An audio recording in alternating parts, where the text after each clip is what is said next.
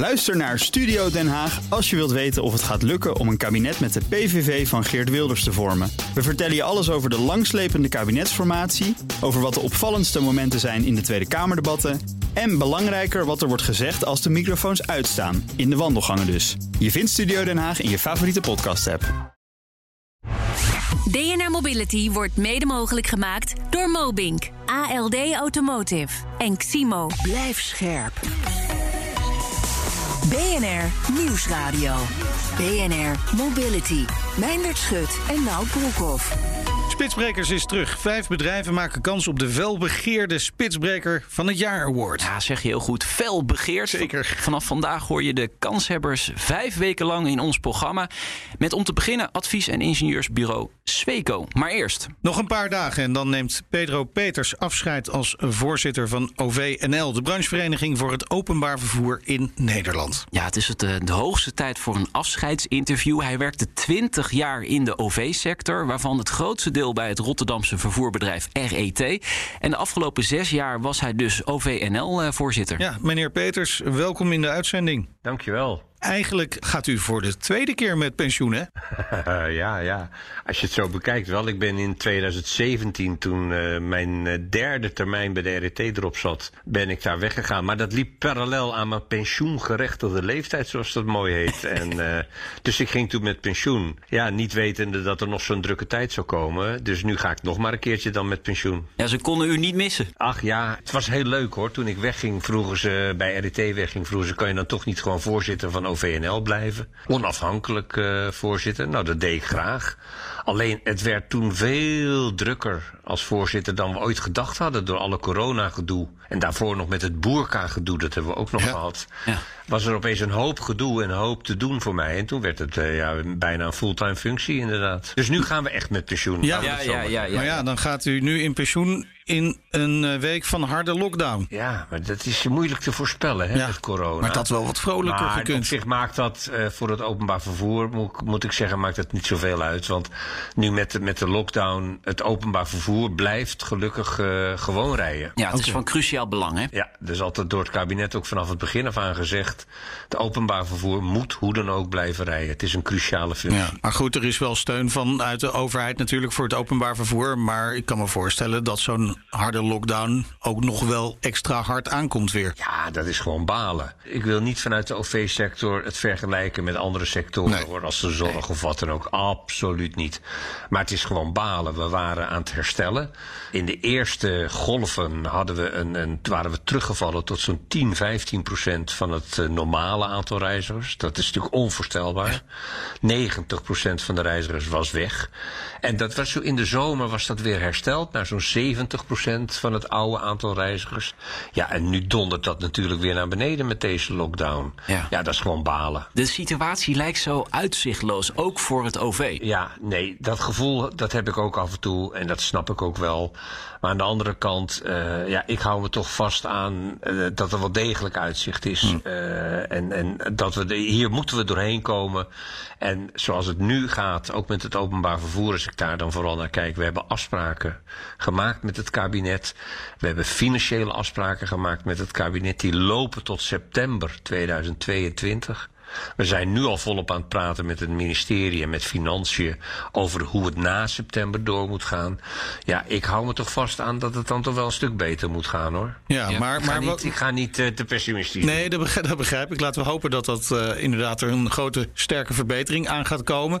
Eh, maar u heeft het over de situatie na september. Hoe zou die wat u betreft eruit moeten zien dan? Ja, dat, dat, dat zijn twee verschillende kanten aan. En in, op de eerste plaats heb je, dat is heel saai hoor, wat ik nu zeg, maar heb je alle Europese regelgeving en die, Ja. die bepaalt dat je echt vanaf september een ander soort regeling moet maken. Dat is het technische deel. Aan de andere kant de inhoud, daar zijn we het gelukkig met het kabinet tot nu toe over eens. Het OV moet op voldoende niveau voor de klanten blijven rijden. Maar het kabinet compenseert het dan ook financieel. Want in feite kopen zij bij ons OV. De reizigers zijn er bijna niet. Dus van de inkomsten van de reizigers kunnen we niet rijden.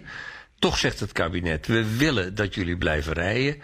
Dus in feite, en dat geldt ook voor september aanstaande, gaat het eh, kabinet dan bij ons een contract sluiten. Dat wij voor het kabinet rijden, om het zo maar te zeggen. Moeten de dan... dienstauto's eruit, hè? Ja, Hoppakee. ja, dat kan ook. Dat is leuk. Ja. Ja, dat, worden, dat worden hele leuke uitzendingen op tv. Dan komen wij met een bus komen we Ja, Rutte precies. naar de Ja. Maar Dat vind ik wel een goed voorstel. ik hoor uw woorden. Er is extra steun nodig, ook na september. Ja, ja, Ja. absoluut. 100 procent. 100% zeker. Ik bedoel, wat er ook gebeurt. Kijk, we hebben het gezien na de, in de zomer. Hè, toen, toen we weer wat bewegingsvrijheid kregen. Toen zag je het aantal reizigers al snel weer stijgen naar zo'n 70%. En dat zijn, even, dat zijn de recreatiereizigers. Dat zijn de kinderen die weer naar school gaan. Dat zijn de studenten die weer volop eh, naar de colleges gaan. Maar die laatste 30% van de reizigers, die kwam maar niet terug. En dat zijn met name de Merensen, de Forensen, die van woon-werkverkeer, die een autootje gekocht hebben, eh, die nog niet met de trein of met de tram willen gaan. Dus die laatste 20, 30% weer terugwinnen voor het openbaar vervoer, dat is niet even in een maandje geregeld. Dat wordt echt nog een hele klus om die mensen weer terug te winnen. Gaat dat überhaupt nog gebeuren? Ja, daar ben ik van overtuigd. Ik bedoel, voordat corona toesloeg, was het OV booming. We waren echt aan het groeien op een ongelooflijke manier. Bijna te snel Ja, aan het groeien. ja, OV zat chockvol. Ja, was echt, eh, er, was echt eh, heel, oh, er waren spitstreinen en spitsmetro's. Bijna Japanse toestanden, om het zo maar te zeggen. Dus in die zin ging het heel erg goed met het OV. En dat komt terug. En sterker, we hebben op, als je op ietsje langere termijn kijkt, hebben we gewoon een, eh, een, een luxe probleem. Er komen nog zoveel woningen bij. En al die woningen, het staat ook in het nieuwe regeerakkoord, al die woningen moeten goed bereikbaar zijn. Dus er komt een enorme groei van het openbaar vervoer aan. Kijk, en corona, het is waardeloos. Het is heel erg naar. Maar het is tijdelijk. Het is een tijdelijke dip in het openbaar vervoer. De lange termijn perspectieven, die hebben nu een dip, maar die blijven hetzelfde. De bevolking groeit, de woningbouw groeit, eh, de files groeien weer straks. Nee, er is echt eh, Ja, nog een hele goede toekomst Ik voor het ben, OV. ik ben dan wel benieuwd hoe lang dat gaat duren. Want u zegt, eh, die forensen die zijn niet binnen een maandje terug. Maar hoe lang gaat dat dan wel duren? Nou, de scenario's die wij inschatten, is dat dat tot zeker wel tot 2024, 2025 gaat duren. Oké, dat is nog wel heel ver weg. Ja, en dat is echt een groot gat. En daarom is het ook zo belangrijk dat we met het kabinet goede afspraken maken, ook over de financiën. Kijk, we hebben met het kabinet samen gezegd: het mag niet gebeuren dat er OV-bedrijven omvallen. Dat kan de BV Nederland zich gewoon niet veroorloven. Dus we moeten zorgen dat niet alleen de grote jongens zoals de NS en Arriva, maar ook de kleinere eh, OV-bedrijven, Cubus eh, en dat soort bedrijven, dat die wel goed door, die, door de dal heen komen. Want stel je voor dat een OV-bedrijf nu eh, omvalt. Het is absoluut onmogelijk dat een ander OV-bedrijf dat dan wel even overneemt. Dus eh, het is een gezamenlijk belang van de sector en van het kabinet om te zorgen dat, er, dat die bedrijven echt door die jaren heen komen. Ja, en, En het kabinet is zich dat ook heel goed bewust hoor. ja want eh, laten we eerlijk zijn, een, een OV-bedrijf runnen, dat is geen vetpot. nee. Als je, als je als aandeelhouder echt geld wil verdienen, moet je niet een bedrijf in het openbaar vervoer Oh, eh, oprichten. Genoteerd. Kijk, de marges in het openbaar vervoer zijn flinterdun. Eh, de aanbestedingen die, die plaatsvinden, die gaan allemaal op het scherpst. En eh, dan heb je, als je als OV-bedrijf al een, een rendement van zo'n 3% maakt, dan heb je het al netjes gedaan. Nou, een echt commercieel bedrijf komt daar echt zijn bed niet vooruit. Als we het even teruggaan naar die, die forens. Hè? Want u zegt die komt wel terug uiteindelijk. Het duurt een paar jaar voordat we weer op datzelfde niveau zijn. En uiteindelijk gaat het OV ook nog wel groeien. Maar kunnen we dat proces niet wat versnellen? Moet daar niet een, eh, een stevige campagne tegenaan? Of moet het OV aantrekkelijker, goedkoper? Nou, dat zijn een paar dingen die u in één zin zegt. Ja. Ja eens. Eh, en we hebben ook een, eh, we hebben al een, een campagne gedaan. OV is oké campagne. Met spotjes op tv enzovoorts. Die is eigenlijk weer teniet gedaan eh, door de lockdowns daarna. We zijn ook gestopt met die campagne. eh, want je kan moeilijk een campagne doen. Terwijl aan de andere kant wordt gezegd. Blijf zoveel mogelijk thuis. Werk thuis. Ga niet onnodig op pad. Nou, dan is het raar als je tegelijk op tv reclame aan het maken bent van kom met het OV reizen. Dus die hebben we toen eh, gestaakt. Maar in die terugwinnen van de reizigers, hè, waar we het net over hadden, is zeker een grote campagne aan de orde. Wat heel belangrijk is, het OV aantrekkelijker maken, wat u net zei. Uh, nou, een hele grote verbetering is destijds al de OV-chipkaart geweest. Volgend jaar, in 2022, gaan we echt ook overal in Nederland meemaken dat je met je bankpasje kan betalen. Dat je met je creditcard kan inchecken. Dus dat je niet eens die OV-chipkaart meer nodig hebt. Gewoon iedereen kan met ze. En of je nou een toerist is uit Amerika of dat het een reiziger is uit Amsterdam, maakt niet uit. Je kan allemaal gewoon met je bankpasje of met je creditcard instappen. en dus ook op de met de telefoon als die daarop staat? Ja, Oké. Ja, leuk dat u het noemt. Volgende week gaan we het er uitgebreider over hebben in, in deze uitzending. Maar het maakt het dus toegankelijker voor mensen om weer in het OV te stappen. Absoluut. Ik, kijk, kijk eens op verjaardagsfeestjes waar je zit. Hè. Als je dan praat, de mensen die met het OV regelmatig reizen, weten het perfect. Met je chipkaart, die hebben ze altijd bij zich, geen probleem. Maar die mensen die niet zo vaak reizen, de ja, we noemen dat keuzereizigers, hè, die de ene keer wel gaan, de andere keer niet. Dan is het zoveel makkelijker als je weet, oh, ik ga gewoon met mijn bankpasje.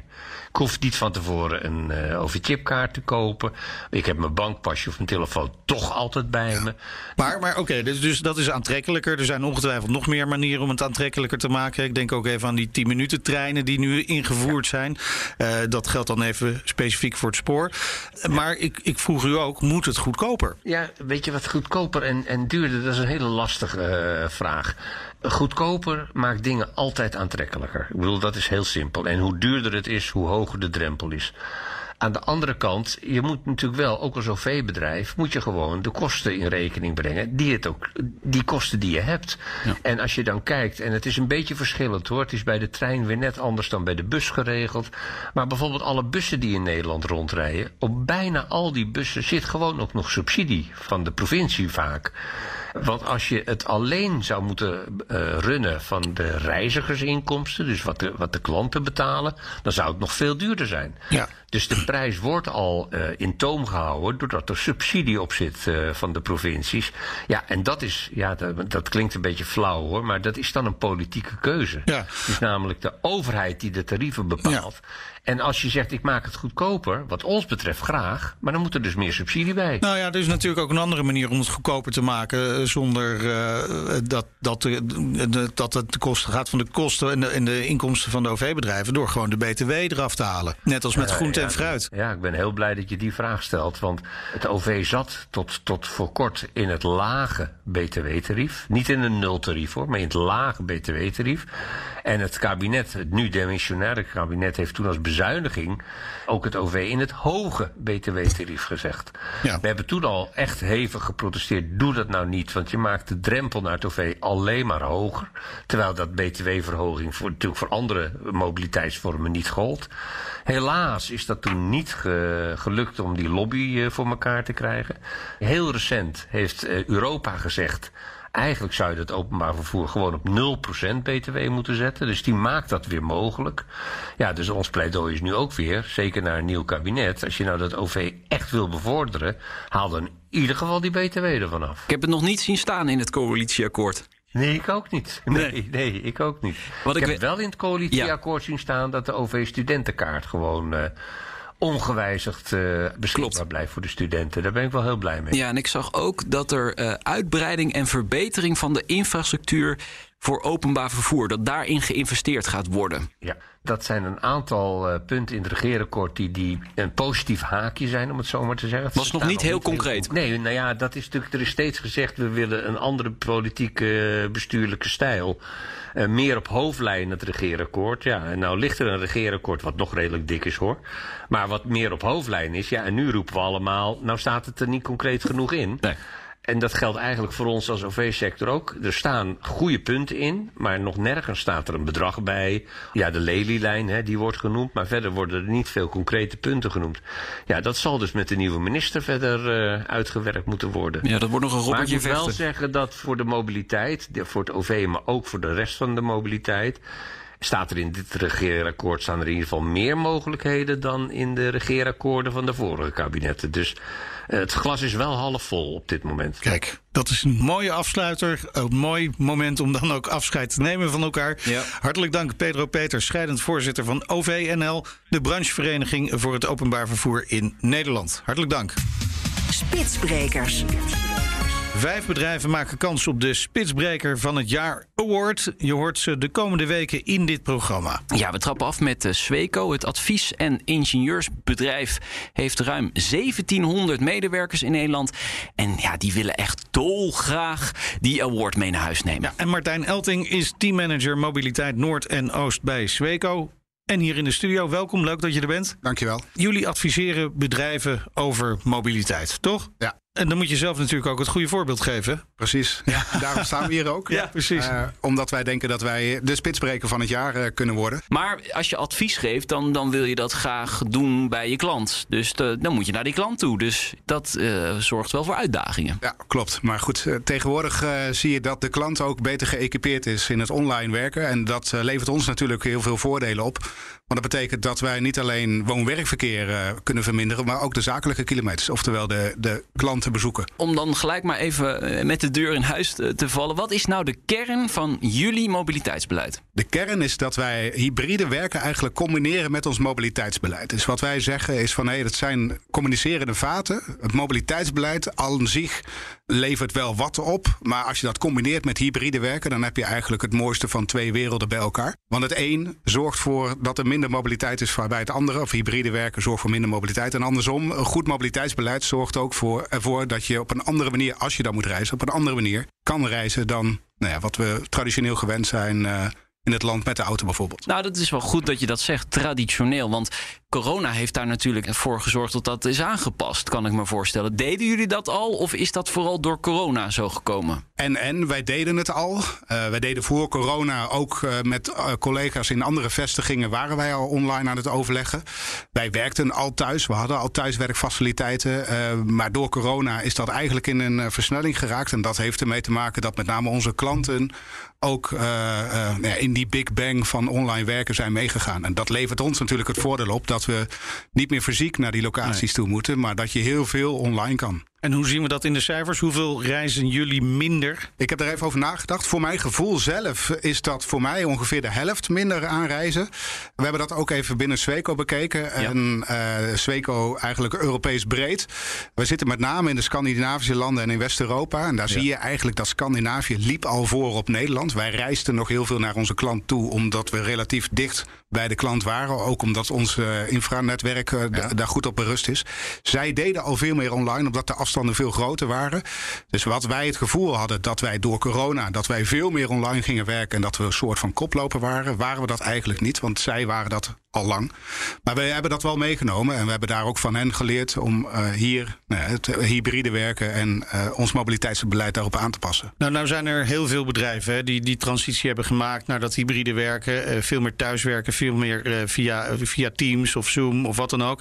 Maar de grote vraag is natuurlijk, houden we dat vol? Ja, en dat is een hele grote vraag. We zien eigenlijk de afgelopen half jaar, drie kwart jaar... hebben we twee periodes meegemaakt. De eerste helft van het jaar dat het vrij rustig was. Ja. De tweede helft van het jaar leek het er weer op als het weer uh, als vanouds was.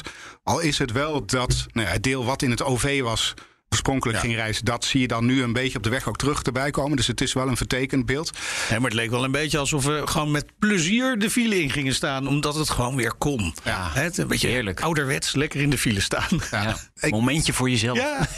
ik heb me wel eens verbaasd op het moment dat ik naar kantoor reed. Die ene keer in de week of die twee keer in de week. Dat ik dacht van joh, zijn wij de enige die dan uh, uh, dit beleid voeren. Ja. Nou goed, in die zin uh, zie je eigenlijk dat dat hybride werken.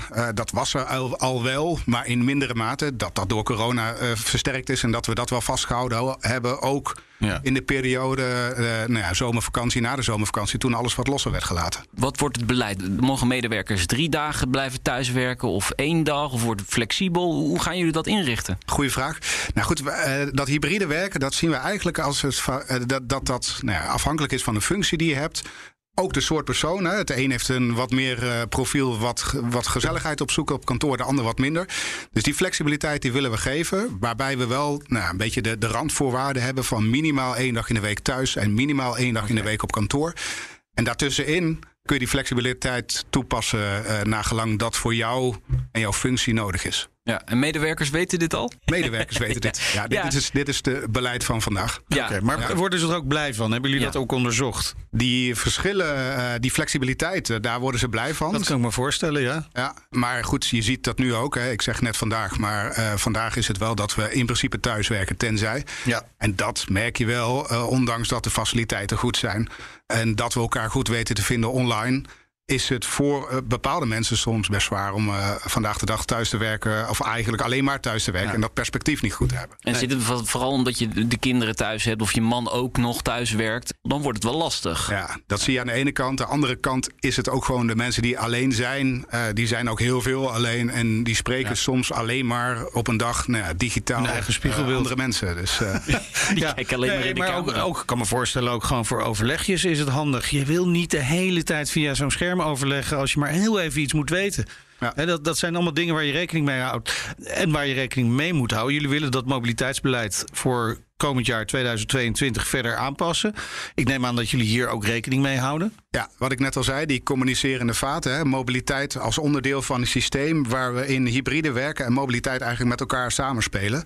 En ons hybride werkbeleid, dus de combinatie van thuiswerken, op kantoor werken en vergadering, die bepaalt in sterke mate ook hoe we ons mobiliteitsbeleid vorm gaan geven, maar ook andersom. Nou ja, door met z'n allen zoveel mogelijk hybride te werken, kunnen we nou ja, volgens ons een hoop mobiliteitsproblemen oplossen. Maar goed, eh, daarom staan we ook hier om dat met elkaar te delen, omdat wij het kunnen oplossen, maar daarmee een druppel op de gloeiende plaat zijn. Ja, dat vind je? Maar je hebt 1700 medewerkers in principe in Nederland. Best een aardig aantal. Je, je maakt toch wel een deel van het verschil. Ja, klopt. Nou goed, je ziet dat in de omgeving van de kantoren waar wij zitten, zie je dat natuurlijk wel iets meer impact hebben.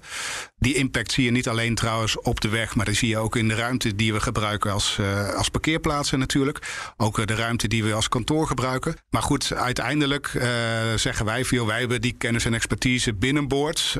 Wij willen dat graag ook delen met andere bedrijven, zodat zij niet nou ja, het wiel zelf hoeven uit te vinden, maar daarin mee optrekken wat bij hun past. Nou, dat, dat is een hele belangrijke voor de ju- eh, jury van eh Spitsbrekers. Die kijkt heel erg naar inspiratie. Hè? Inspireren je ook andere bedrijven om te een veranderen? Ja, ja, precies. Maar goed, jullie zijn een adviesbureau, dus natuurlijk moeten jullie adviseren en mensen eh, inspireren om iets anders te doen. Hè? Ja. Dat, dat, lijkt me wel duidelijk. Ja, overigens adviseren we niet alleen eh, nou, in opdracht of iets dergelijks, maar ook eh, omdat we onderdeel zijn van werkgeversnetwerken. Je hebt het in de regio Utrecht bijvoorbeeld goed op weg en de regio Groningen, Groningen bereikbaar. Ja. Daar zijn we lid van. Daar zitten wij ook regelmatig in kennisdeelsessies om nou, ja, bepaalde onderdelen toe te lichten. Hoe andere bedrijven dat eh, met ons mee slimmer en efficiënter kunnen doen. Brengt ons bij de slotvraag. Ja. Die komt iedere week terug. Waarom moeten jullie die Spitsbreker van het jaar award gaan winnen? Nou, dat is eigenlijk de combinatie die wij zien in mobiliteit en hybride werken.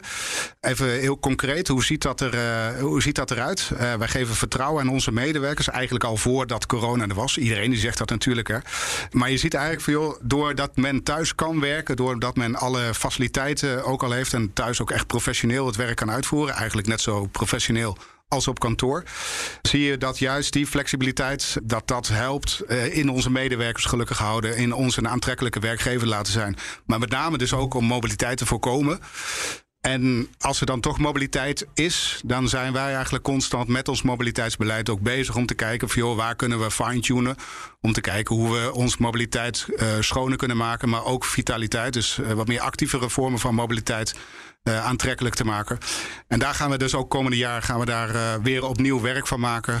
om dat mobiliteitsbeleid ook aan onze medewerkers te tonen. Dus die combinatie. Dat is eh, voor ons eh, hetgeen waarvoor, wij, waarvan wij vinden dat wij spitsbreker van het jaar zijn. Kijk, de jury neemt ook dit interview mee in de overwegingen. Absoluut. En dan eh, maandag 31 januari, Nout. Ja, dan reiken we de award uit.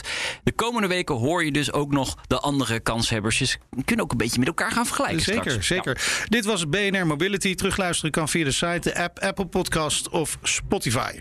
Ja, vergeet je vooral niet te abonneren. Heb je nieuws of andere verhalen voor ons? Mail naar mobility.bnr.nl. Ik ben Meijnerd Schut. Ik ben Nout Broekhoff. Tot volgende week. Doei. BNR Mobility wordt mede mogelijk gemaakt door ALD Automotive, Ximo en Mobink. Mobink. Shift Forward. Ook Diana Matroos vind je in de BNR-app. Ja, inderdaad. Je kunt live naar mij luisteren tijdens de Big Five. Ook handig in de BNR-app. Breaking nieuwsmeldingen, maar ook het allerlaatste zakelijke nieuws. En je vindt in de app alle BNR-podcasts, waaronder Wetenschap Vandaag. Download nu de gratis BNR-app en blijf scherp.